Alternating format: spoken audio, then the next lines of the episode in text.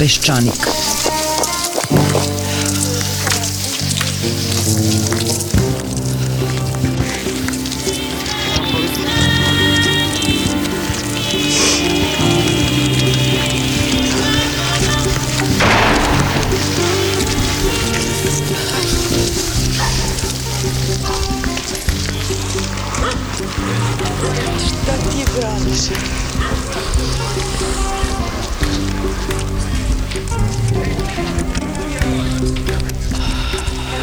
Peščanik.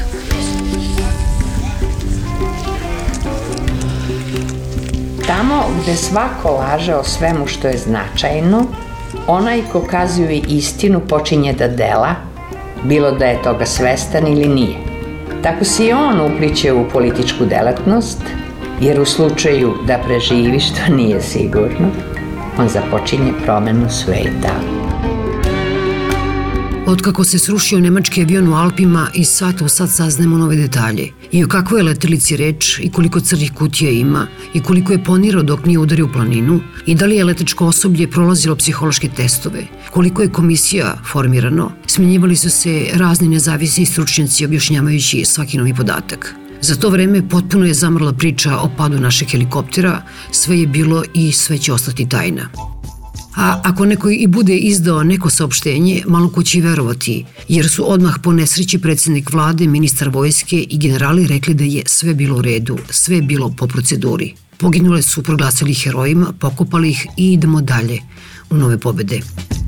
Pobeda se sada meri isključivo uštedama ili navodnim uštedama ili pričamo o uštedama. Niko više nema ni potrebu da kaže šta ćemo da radimo, šta ćemo da zavrćemo, da odvrćemo, da pišemo ili da crtamo. Jer za to treba mnogo više pameti, organizovanosti i sabranosti nego priče o štednji benzina, hemijskih olovaka i toalet papira.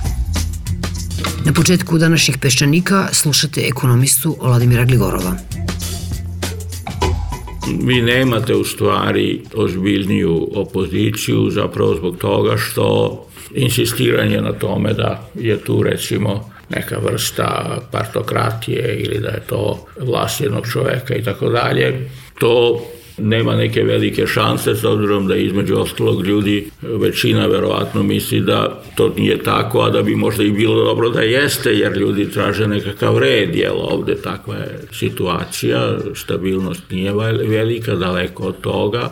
Tako da to politički posmatrano, to nije stvar koja može da se završi za šest meseci, godinu dana, jel? Ne nije postoji. u senci da se napravi. Znate, drugče je to bilo kad se pravila demokratska stranka 89. Tad nije bilo nevažno koja se lica, lica za to, jer to je bio taj tip režima. Danas vi izađete sa vladom u senci, prvo niko ne znate ljude, onaj koji zna ne zna pod nekom naročitom dobru, ne vidite zašto su oni kvalifikovani od ovih drugih i ovi imaju neke koji imaju neka neki ugled u struci i ovi imaju takođe i šta sad, jel? I onda imate ta lutanja, ono u samoj toj opoziciji neki kažu dobro ovdje ovo ne funkcioniš, ajmo sad da mi postanemo Siriza. Ta Siriza u Grčkoj u suštini nije ništa slučajno. Taj jedan levi pokret u Grčkoj postoji decenijama, jel? Dok je tako, ja ne vidim zašto bi ovaj nešto se ovde posebno događalo kad je reč o stabilnosti same vlade problema e, čisto političke prirode trenutno vlada nema. To mislim da moguće je da je to i zbog toga što bez obzira na stanje stvari Postoji posle svih ovih e, godina i decenija, postoji potreba za stabilnošću, osjećanje da običnih ljudi da, da tu bez neke velike nužde i, i ako nema neke naročito dobre alternativne ponude, ne treba, da tako kažem, ugrožavati koliko toliko političku i socijalnu stabilnost. I ako je tako, ako je ta moja hipoteza tačna, onda naravno to objašnjava i činjenicu da vlada u stvari može da radi relativno mirno to što želi da radi. E sad, da li oni znaju šta žele, to je sad drugo pitanje.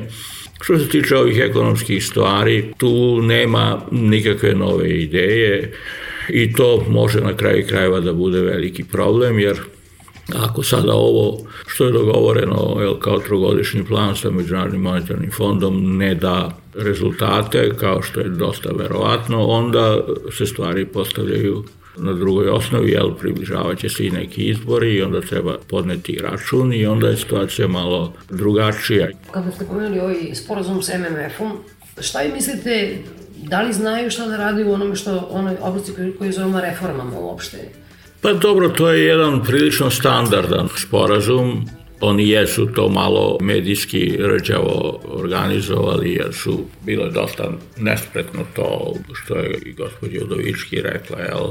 Pa i što je Vujović rekao za celu truje koja treba da se poveća, pa hteli smo da vas ne uznemiravamo ili smo se nadali do zadnjeg časa da to možemo da izbegnemo kao da u stvari je to nešto što njima nameće MMF, da je inače karakterističan taj odnos prema MMF-u da kad ne možete sami da preuzmete odgovornost, onda prebacite to na MMF i MMF je sretan da to uzme, na kraju kraja on ne odgovara ovde, prema tome njima je to sve jedno. Tako da tu je jedino zanimljivo insistiranje, to nije nužno karakteristično za uobičajene MMF-ove programe, a to je insistiranje na stanju u bankarskom sistemu i generalno taj problem nenaplativih potraživanja i kako će to da se reši. I ta neka indirektna onda kritika jel, centralne banke, monetarne politike i tako. To mislim da je ključno u celoj toj stvari, jer ovo kad je reč o smanjenju plata, penzija, to je urađeno već ranije, jeli, kad je reč o drugim merama štednje, tu je, ja mislim, osnovni problem što se u stvari štedi na investicijama, to čak i MMF ne voli, jer odakle će onda taj na kraju krajeva rasta dođe.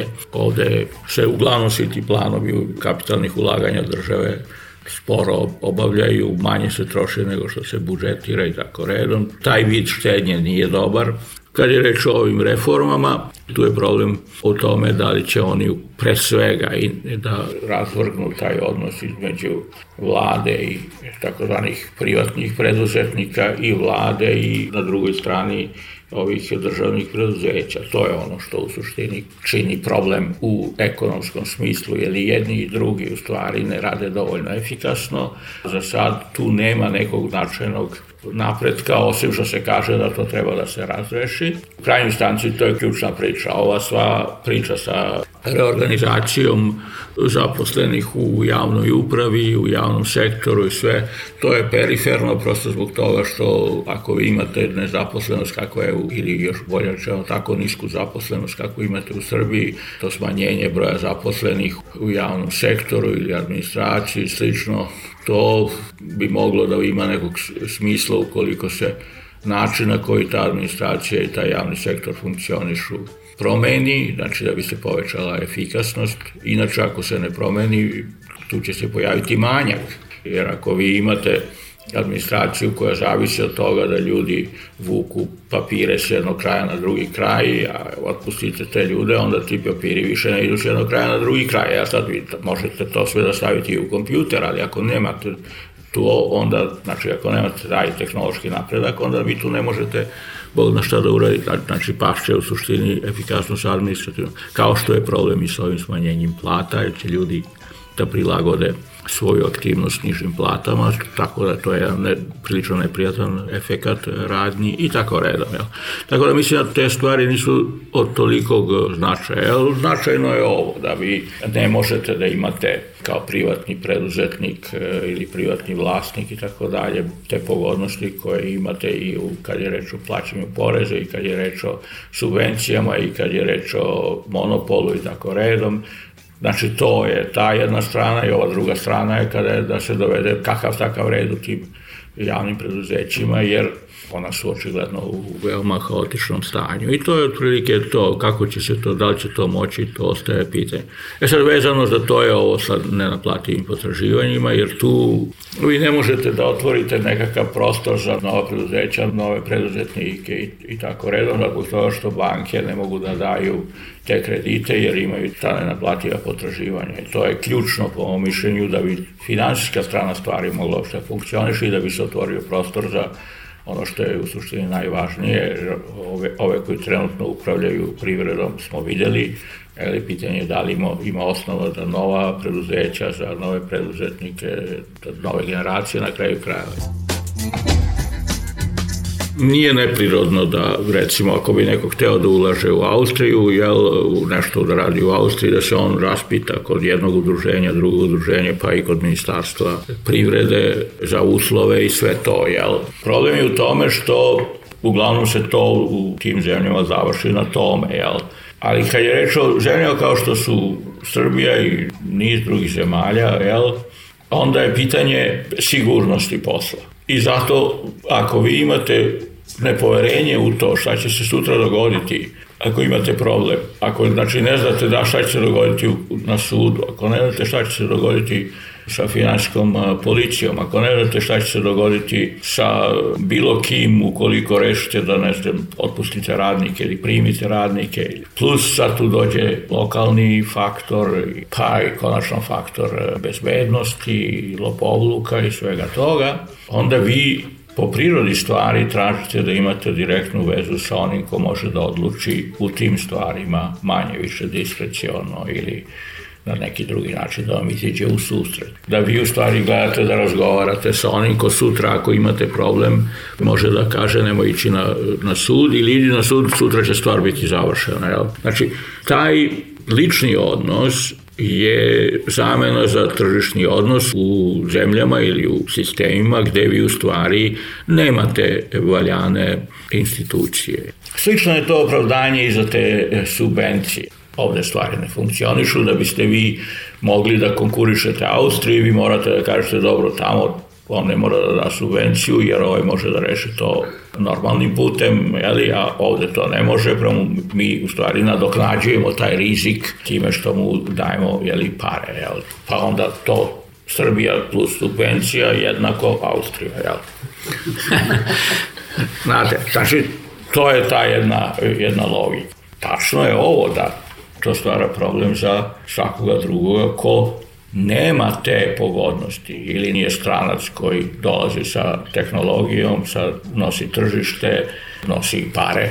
Ili nije zemljak, rođak, član istog futbolskog tima šta sad vi tu onda možete da uradite i taj problem postoji. Jel? Znači to je ključan problem, jel? to je verovatno ipak 90% tih ljudi koji nešto tvortu treba da rade, jel? i tako oni su naravno iz svega toga, iz tog sistema izopšteni. I kad ovi govore iz MMF-a, ne samo ovde, nego i u Grčkoj i na drugim mestima i ne samo iz MMF-a, nego svako, jel?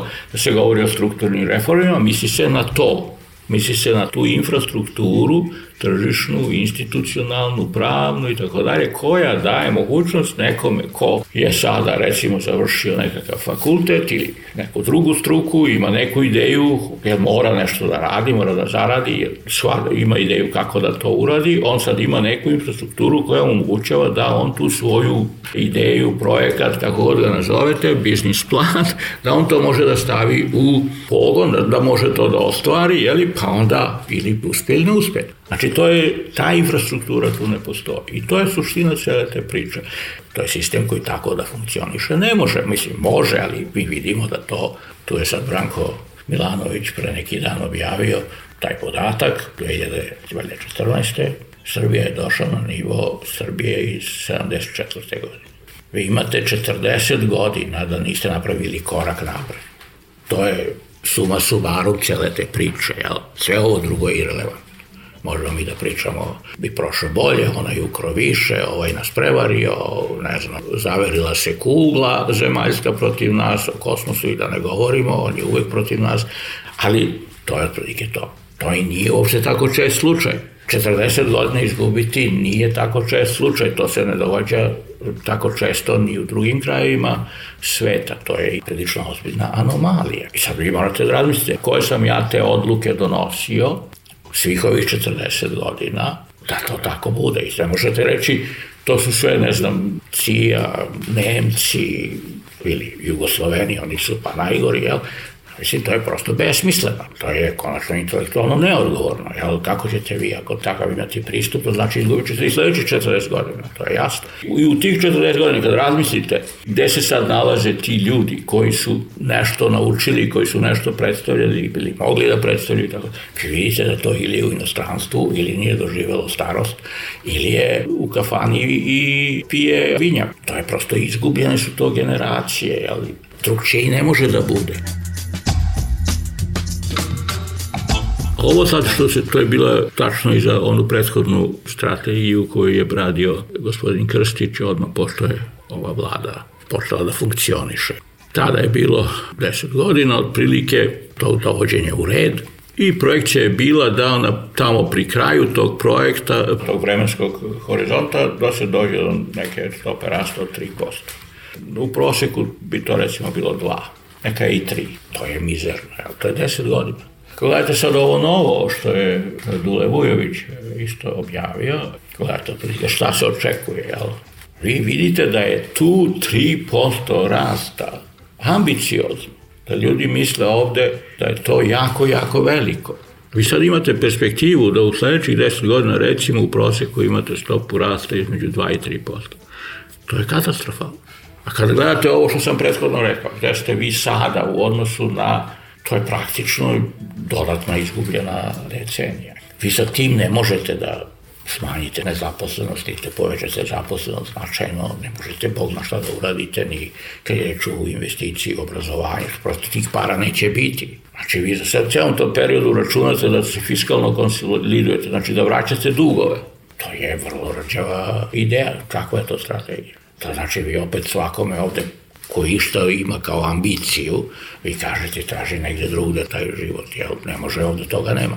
Znači, to je potpuno neodrživo, besmisleno. Jel? To ovi svi svakodnevne ove rasprave, istok, zapad, medije, autoritarizam i Sve je to naravno izuzetno važno u svakom datom trenutku. Ali kad gledate to u ovom periodu, vi znači idete u pravcu da kroz 10 godina se recimo zemlja sa 74. pomeri na 75. ili 76. Jer oni su one godine 84. 70. su bile jako, jako prosperitetne, to nije lako nadoknaditi. A da ne govorimo da ćete tada biti, recimo, jeli 2020. 2025. To je stravično kad tako posmatrate stvar. Znači to prosto tako biti neambiciozan ili neinventivan, a biti na vlasti, to nije u redu, to tako ne može. Naravno, sa stanovišta Međunarodnog monetarnog fonda, da se na to vratim, to uopće nije toliko relevantno. Njihov glavni zadatak je makroekonomska stabilnost. To nije ovo, ovo drugo je sve vaš problem. Sve ovo drugo je nešto što vi treba sami da rešite. On vas samo kaže to sve što vi hoćete da rešite ili sve što vam pada na pamet, mora da bude stabilno sa makroekonomske tačke gledišta. I to je to. Ako biste vi mogli da imate program koji bi poslao poruku da će ova zemlja da ima recimo u sledećih 10 godina prosječnu stopu rasta između 4 i 5%, vi ne bi imali problem investicije. Taj problem ne postoji, jer vi onda ste e, potpuno privlačni.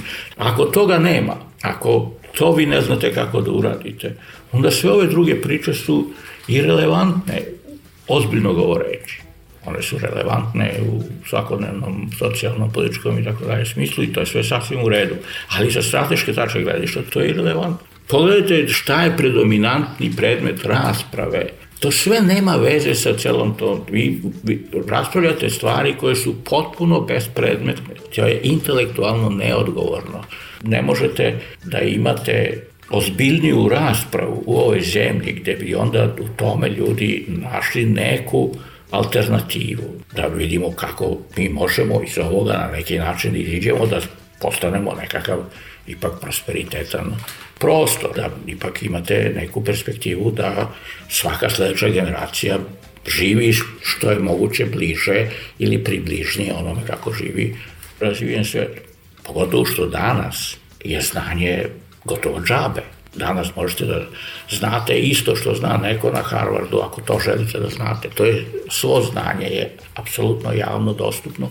Prema tome, uopšte ne postoji neko opravdanje da vi budete nerazvijeni. E sad, naravno, koliko vi trošite svu svoju energiju na jednu ili drugu glupost, to je onda razlog zbog čega oteli smo mi sad tu na nivou 74. godine. Ja sam mislio da ste 78. ali evo, kaže Branko, da je 74. sigurno na bolje. Ja ne mislim da je ovaj postupak koji je izabran, nisam se saglašavao ni, ni pre dve godine, ni, nema, nema razloga ni sada, jeli? Ta obsesija fiskalnim e, deficitom, javnim dugom i tako, ta ideja da to mora da se samo o tome ili najviše o tome vodi računa, pogotovo što ovde Ako vi gledate u kom stanju je kapitalni fond, infrastrukturni fond ove zemlje. To je na takvom stanju da vi svakako ulaganjem u to mora da imate nekakav prilično visok prinos. Prosto toga nema. Sad imate tu raspravu zašto mi da ne držimo naše pare u Telekomu gde se zarađuje profit, a ne da te pare recimo odatle izvučemo pa da stavimo na primjer u obrazovanje ili u nauku ili u jedno i u drugo.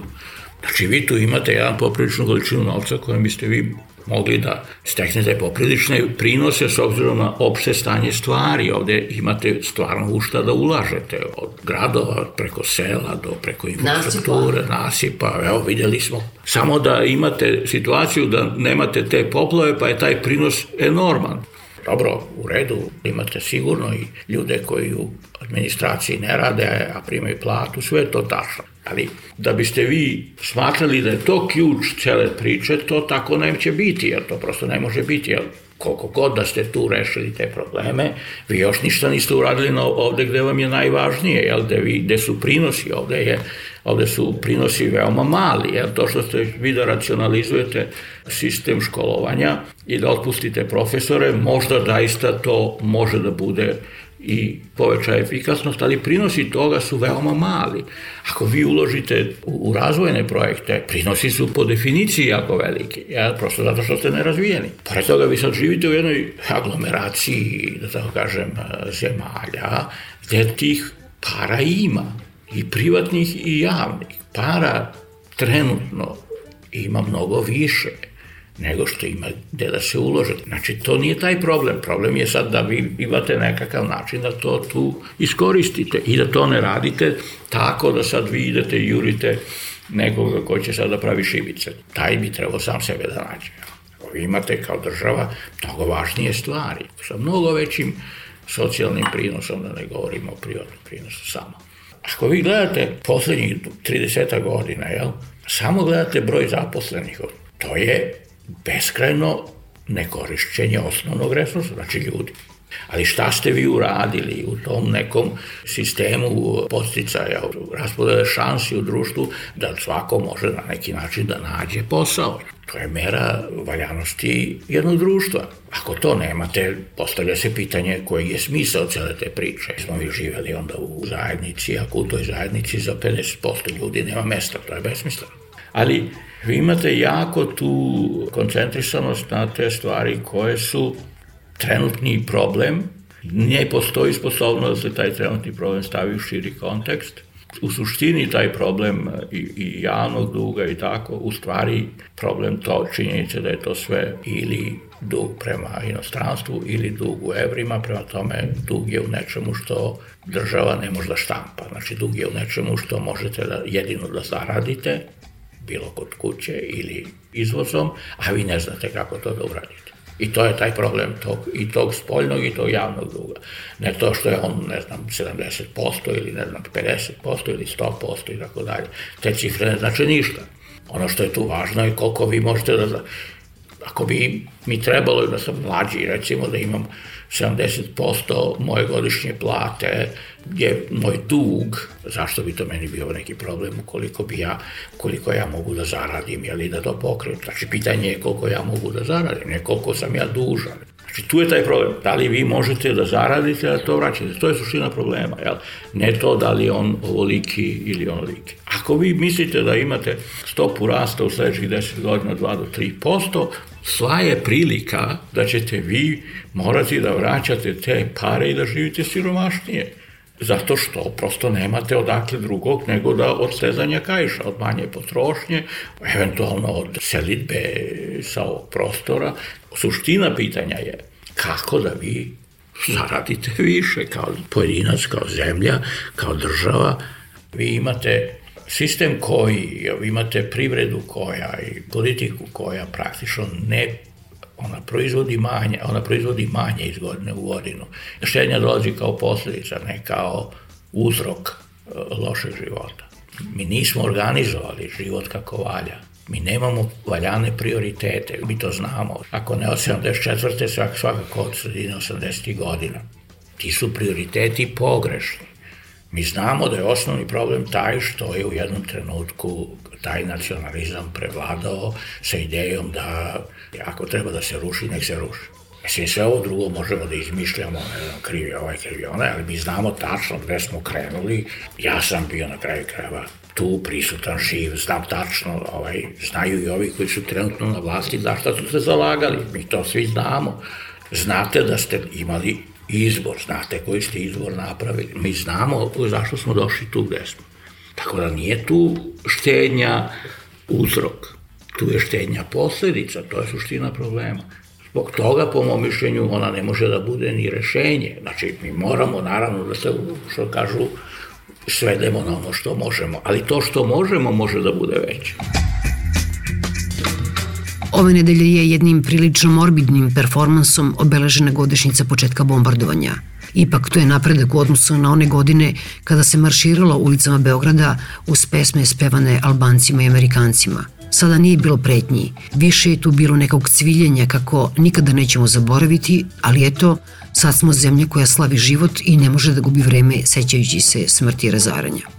U nastavku emisije čućete najpre razgovor koji smo povodom desetogodišnjice početka bombardovanja vodili tada sa 22-godišnjacima Sofijom Mandić i Milošom Ćirićem. 99. oni su bili još osnovci. Posle njih čućete kratku verziju dokumentarne reportaže koju smo nazvali Jedina ljubavna pesma moga jezika. To je desetominutno posjećenje na neke trenutke od pre 15 godina. Najpre Sofija i Miloš, Inače, čitaoci našeg sajta znaju Sofiju po njenim izvrsnim tekstovima o temama iz oblasti prava. Ona je još uvijek u Srbiji, a Miloš je već drugu godinu na školovanju u Americi.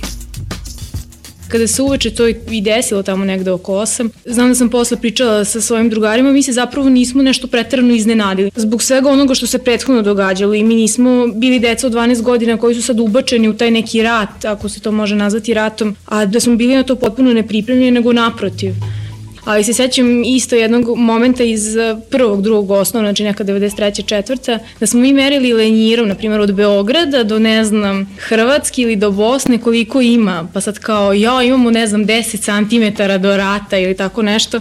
I još tada smo se strašno plašili toga da, da bi to moglo da dođe i ovde. I onda kada se to i dogodilo, to je nekako bilo i logično, eto, bilo je tamo, pa sad i ovde, pa bože moj, proći će. Ja se sećam da je prva stvar koju sam ja na televiziji videla, to je koje se sećam da sam videla negde sa pet godina, to je bila slika sa Markala, znači sa te pijace. Nisu mi roditelji da gledam vesti, ja sam se ja nekako omakla i to sam videla i kažem, verovatno to nije prva stvar koju sam videla, ali je prva stvar koja se sećam. I zaista, zato i ta 99. nije bilo nikako veliko iznenađenje zbog toga što je meni ti ljudi koje razlače po toj pijaci vuku ih za ruke, ja se toga jasno sećam, vuku ih za ruke, za noge, oni su ili mrtvi ili su poluživi i oni ih razlače po toj pijaci. Meni je to simbol te politike koje se sve vreme događala i ta 99. mi je simbol te politike i oni ljudi u hladnjačama po batajnici. Jednostavno sam to i tada i sada sve što se događa ne doživljavam kao nešto pretarano čudno, sve je to tako nekako logičan posljedice svega što se dešavalo proći će, možda neće proći, ne može ništa da me iznenadi. Ne znam, što se tiče samog bombardovanja, ja mislim da to nije bio najsrećniji način da se reši niti problem Kosova, niti bilo koji drugi problem ali sa druge strane, ovo što se sada dešava i ti protesti i okupljanja i sve ostalo, oni samo govore sve ono što se i do sada dešavalo. Dakle, NATO nas je bombardovao, pa negde ne, to se ne kaže baš otvoreno, ali u suštini, pošto su oni nas bombardovali izvršili su zločin nad nama, u stvari u redu sve ono što smo mi radili na Kosovu. Ubijali smo te ljude, proterivali smo ih ili u Albaniju ili smo ih terali na granicu sa Albanijom. Dakle, to je sve u redu, ali nije u redu to što su oni nas bombardovali. E sad, mi možemo kažemo da nije u redu to što su oni nas bombardovali, ali nije ni u redu to što smo mi radili. Tako da mislim da se nama još od tog vremena uopšte ne govori istina i da ako su, ne znam, Amfilohije i Bećković i Kuštunica propali ljudi, političari, popovi ili šta god već, da njihovo vreme jednostavno prolazi, nek pričaju tu još malo koliko imaju, a da nama treba neko da kaže istinu i da kaže, ok, klinci, sad je vaših 10 ili 20 godina, tako je bilo, pa vi vidite šta ćete sa tim činjenicama, jer ako ne znamo činjenice i ako ne znamo šta je bilo, onda teško da ćemo mi, i ako dođemo u neku, ne daj Bože, sličnu situaciju, uspeti da reagujemo na pravi način. I zato i ti momci koji su, eto, nažalost, moja generacija, viču ubi za kolje da Šiptar ne postoji i da je to je za njih odgovor na NATO bombardovanje. Dakle, ne nije u redu što nas je NATO bombardovao, nego oni nisu nas bombardovali, a to automatski znači da kolje Šiptar šiptara da je to u redu. I oni su zapravo odgajani u toj školi kao ratnici, kao momci koji svoje zemlje mogu da služe samo onog trenutka kad uzmu pušku u ruke ili ne moraju čak ni da uzmu pušku u ruke nego da pričaju o tome da će jednog dana uzeti meni celo detinstvo uništeno u tim godinama, ja sam rođena 86. Već 90. nije bila normalna situacija, dakle ja se ničega normalnog ne sećam. Ne znam, jeste bili na ovoj izložbi u istorijskom arhivu da, o Zoranu Đinđiću i mislim da je toliko jednu fantastičnu stvar, ovako ima ta jedna kutija u kojoj su izloženi neke njegove misli o Kosovu i zabeleške i gde on kaže da na Kosovu se stvara država i da to traje već dugo, da je ona kao neka nelegalna građevina koja raste na tom tlu smislu i da mi moramo jako da pazimo, jer će u nekom trenutku, ako ne budemo reagovali kao što smo navik da ne reagujemo na tu neku divlju gradnju gde god da nam se desi, da će cena rušenja biti mnogo veća nego cena legalizacije te kuće. I to je meni onako potpuno me udarilo, jer mislim da je to definicija onoga što se tamo desilo. I danas kao rezultat ovog bombardovanja vidim to nezavisno Kosovo, znači ništa drugo, ne sećam se ni mog skloništa, ni to sam negde sve potisnula, ali vidim to Kosovo kao rezultat i Rambujea i rezolucije 1244 i kasnije naravno neodgovornosti naših vlasti. Mislim da je on to toliko dobro rekao, dakle kad su bili temelji postavljeni mi nismo reagovali, kad su počele se slažu cigle mi nismo reagovali, e onda kad je sve bilo gotovo kad su udarili krov, onda smo se mi setili da to treba rušiti, ali onda je za nekog drugog ko se time takođe bavi cena bila previsoka i oni su rekli mi ćemo to legalizovati, to nam se više isplati. Jedna stvar isto, Dobrica Ćosić, pismo koje on piše Đinđiću, tako to stoji ovako jedno do drugog i prosto je neverovatno. On mu piše negde početkom 2002. godine Kosovo, rešenje pitanja mora sada i sve ono, ono što je RTS potencirao zapravo Zoran Đinđić i Kosovo, ničim se drugim on u životu nije ni bavio. I on mu piše ovako, meni je to potpuno fantastično, na onom žućkastom papiru, onom socijalističkom, ne znam da li znate onako koji, kad ga ovako malo prstima pipnete, on onako šuška i na pisaćoj mašini na kojoj ne radi veliko slovo. I onda on piše sve malim slovima, a velika slova posle ispravlja hemijskom. A očigledno mu ni razmak ne radi, pa onda onako spoji dve reči, pa udari isto onako hemijskom kao razmak.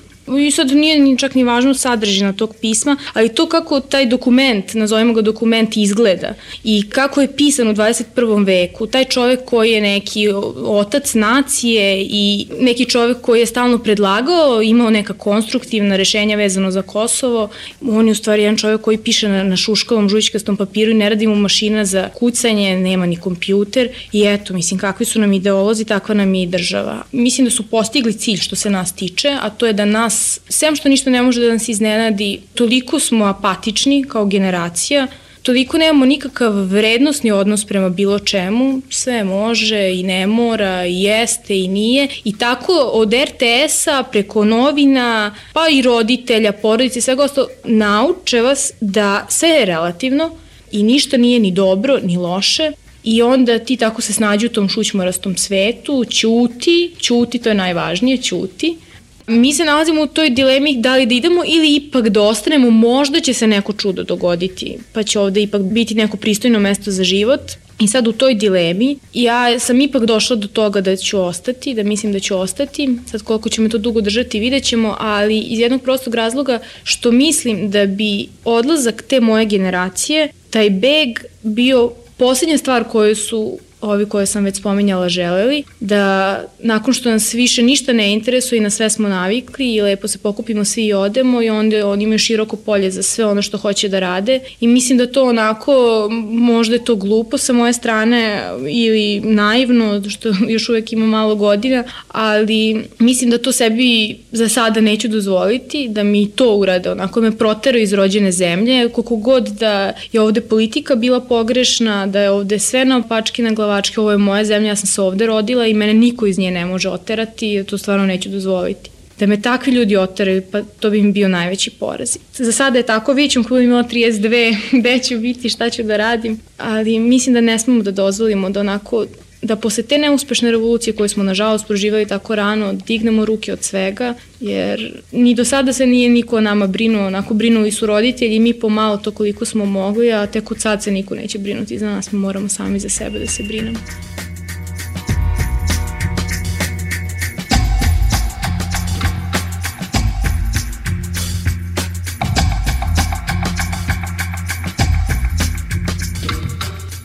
Ja sam imao 14 godina, znam da je u, u to popodne moja majka izgovorila nešto kao jao pa neće valjda. I meni nije bilo jasno šta to neće valjda. Dakle, počeo od tog 24. marta, u mom pamćenju se nižu neke slike i neki zvuci. Prvo ona jeziva špica dnevnika koja me uvek podsjećala na, na soundtrack iz, iz filma Noć veštica. Onda one novinarske fraze pod okriljem noći, NATO falange, Tu je ona pesma Volimo to otačbino naša, partizanski filmovi, folklor, koncerti na mostovima, target značke. I sećam se zvuka roletne i lomljenja stakla kad je od jačine detonacije slomljen prozor u sobi moje sestre i, i u mojoj sobi. Sa svih strana su dopirale te neke priče, evo preko planine, koračajući niz reku, dolaze te horde bradatih albanaca sa noževima u zubima i sve će da nas pobiju. I poslednje čega se ja sećam u stvari iz tog perioda je onaj šator u Makedoniji i meni i dalje presmešno lice one žene prevodilice koja je u stvari objavila da je rat završen, a kako smo mi kasnije shvatili, rat u kome smo mi pobedili, to je bila, dakle, 99. godina. Sad, 10 godina kasnije, među mojim vršnjacima, znači to su ljudi 22, 23, 24 godine, jednostavno nema mesta razgovoru, ni o bombardovanju, ni o prošlosti. Ja mislim da je to delom i bio cilj one vlasti, da ogromna većina nas jednostavno nema pojma ni o čemu, nego da jednostavno tako hipnotisani ponavljamo to sažvakano nacionalističko Miloševićevo shvatanje istorije. Na primer, odgovor na pitanje kako je do bombardovanja došlo jednostavno je nepoznat. Nepoznato je šta je tome prethodilo. I sad, pitanje glavno glasi kako ja dolazim do saznanja o tome šta se dešavalo ovde u prethodnih 20 godina. Koji su meni izvori na raspolaganju. Tu su učbenici i knjige, koje sastavljaju isti oni ljudi koji su učestvovali u formiranju te politike ili je podržavali, tu su novini televizije, koji opet uređuju i za koje pišu i govore oni isti ljudi koji su to radili 90. godina. Zato je potpuno prirodno da na Trgu Republike 24. marta 2009. godine vi imate situaciju da čujete skandiranje hoćemo oružje. Ja sam na RTS-u u ponedeljak i utorak gledao specijalno pripremljene filmove za godišnicu bombardovanja o Račku i o okolnostima koje su prethodile NATO bombardovanju. I mogu da kažem da su to dva veoma edukativna dokumentarna filma. I ti filmovi su redki primeri u kojima se širo javnosti objašnjava šta se desilo 1999. godine. Na pogrešan i u mnogo čemu iskrivljen način, ali se objašnjava. I sad ajde zamislimo da sam ja jedan prosečan mladi čovek iz Srbije, Pa mislim, kako da vam kažem, i ja bih verovatno posle toga išao i razbijao McDonald's na zelenjaku. Ja našu situaciju često zamišljam kao onu scenu kad čovek automobilom uleti u krivinu iza koje je tunel, ja mislim da je to iz zone sumraka. Pa taj isti vozač iz tunela opet nailazi na tu istu krivinu i taj isti tunel. I onda u prvo vreme on shvata da nešto nije u redu. Pa onda počne da paniči. Pa čekaj, kako sad ovo, kako isti put, kako opet isto. Pa onda zaustavi kola, pa izađe napolje, pa se hvata za glavu, pa počne da razmišlja, da smisli nešto, neko racionalno objašnjenje. Pokušava da skrene, ali ne može. I onda opet ide i posle određenog vremena on postaje totalno ravnodušan i beskrajno dugo ide iz te krivine u taj tunel, iz tog tunela u tu krivinu i tako u krug. Naravno, mi u toj sceni paralelno shvatamo da se taj čovjek u stvari slupao prilikom prvog ulaska u tu krivinu, a ova scena iza u stvari opis njegovog ličnog pakla. I to neprestano opetovanje, to nešto što nas je ukočilo i ostavilo zatrokirane u tom vremenu, ili nešto što nas je vratilo u to vreme, izvinite, ima svoje imena i prezimena. I to neprestano smanjivanje očekivanja, i ubijanje svake vrste ambicija kod mladih ljudi. Ćuti, budi zadovoljan. Ćuti, strpi se. Ćuti, vidi kako je u Africi. Pa mislim, daj mi neki pozitivan primer, ne nešto što će me uplaši pa da kažem, jo, ja sam presrećan. Koliko lepo živim kad pogledam ove u Zimbabveu. To je taj način života. Samo da rešimo Kosovo, samo da prođu izbori, samo da dođu izbori, samo da prođe ovaj život. To je taj princip. Samo da prođe ovaj život. Pesa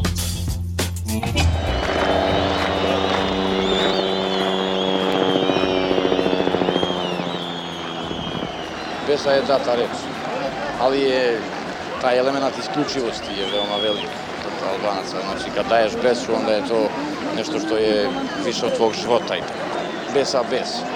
Pesmu sam ti dao, za Kosovo život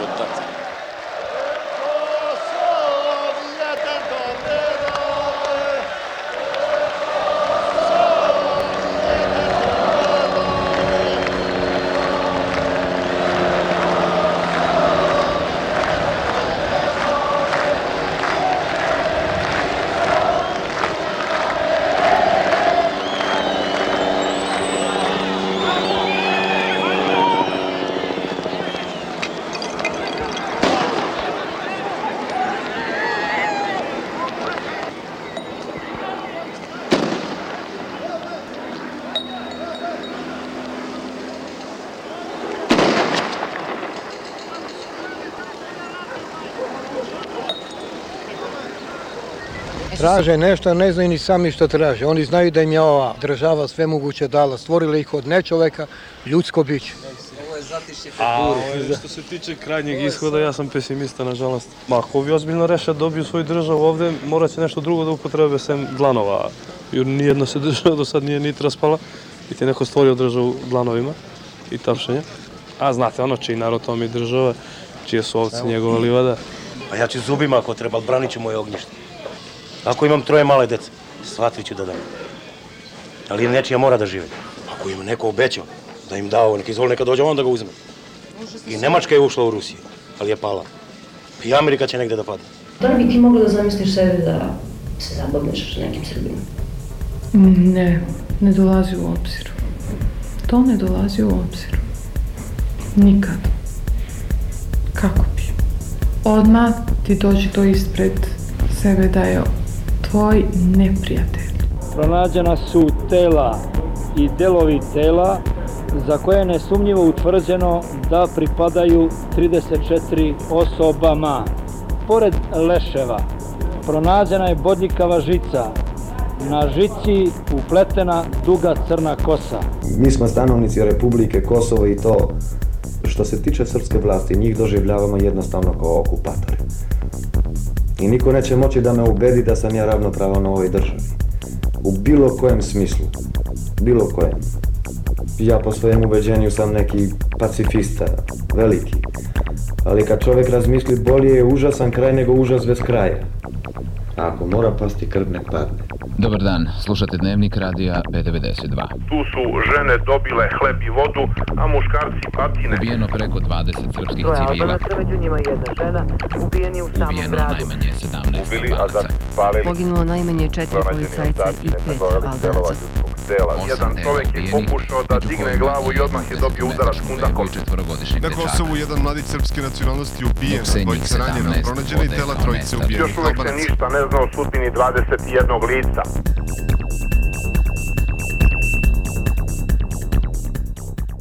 Generalni štab Vojske Jugoslavije obeštava jugoslovensku i međunarodnu javnost da je večeras u 20 časova NATO pakt izvršio agresiju na Saveznu Republiku Jugoslaviju. U ovom trenutku najvažnije je sačuvati prisebnost,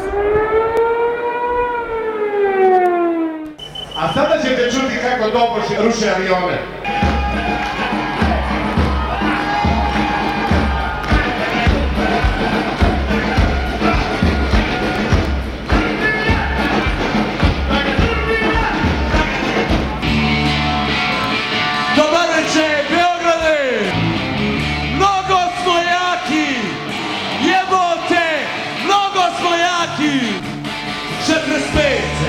Njega je primila partija, a s vojskom je ušao u trs. Sada ulazi na vrat komesarijata, prima ga crveni krst. Njegov sin više nema svoga osmijeha. Po kom su ga stare cure Koševa kaže stari tvoje juga Je veliki zajem Tebe i tvojih komunjara A stara sjedi i plače Kaže Dragane, pusti vijesti Od istorijskog avnoja do izbjegličkog konvoja Preko sremske raše Hvala Beograde! Jak si ko zemlja! Drži! Jugoslavija! Jugoslavija!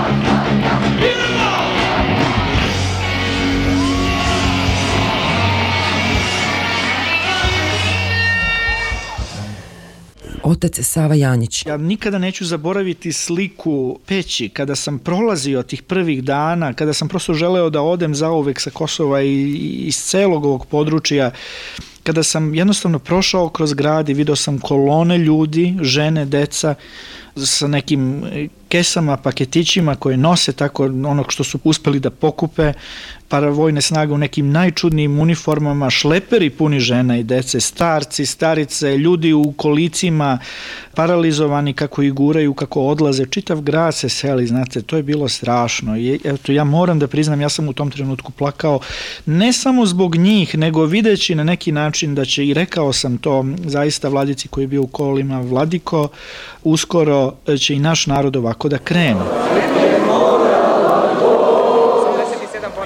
Jedinija čerka gospodara drame žena despote Uglješa u miru veze svile pokrov na dar manastiru.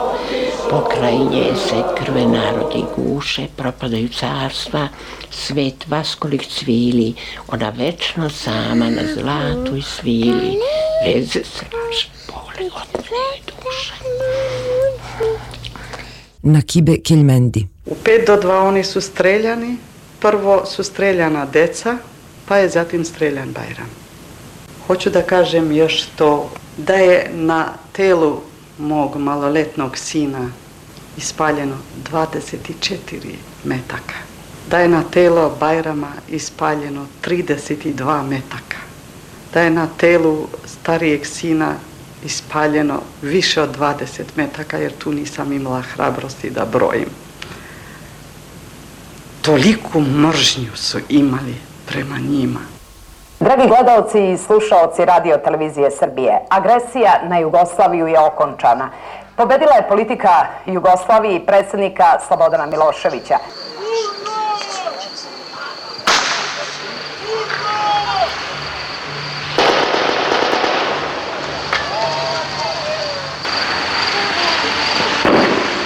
Mi smo pokazali da imamo nepobedivu vojsku, najbolju vojsku na svijetu.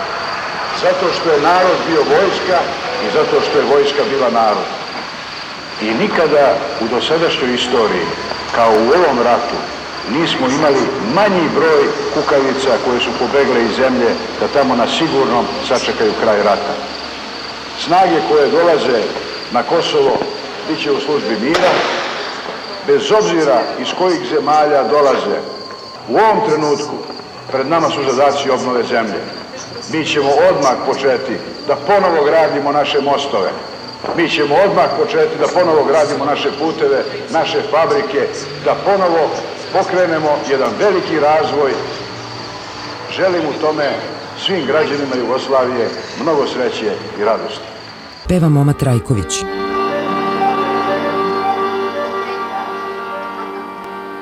Vrag donese mila nane, nane, nane.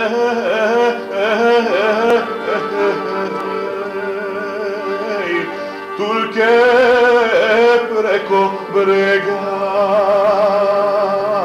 odvedoše Turci nane, nane, nane, nane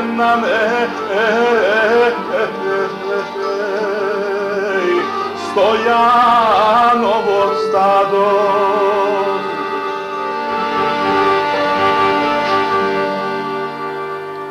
Taj stojan iz ove pesme, znaš? Mi smo, mi Srbi koji smo ostali ovdje. Roblje za robljeno.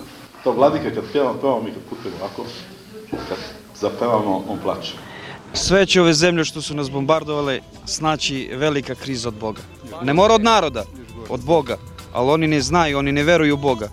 Bog je jedan, ali važno da je Bog Srbin. Čist Srbin.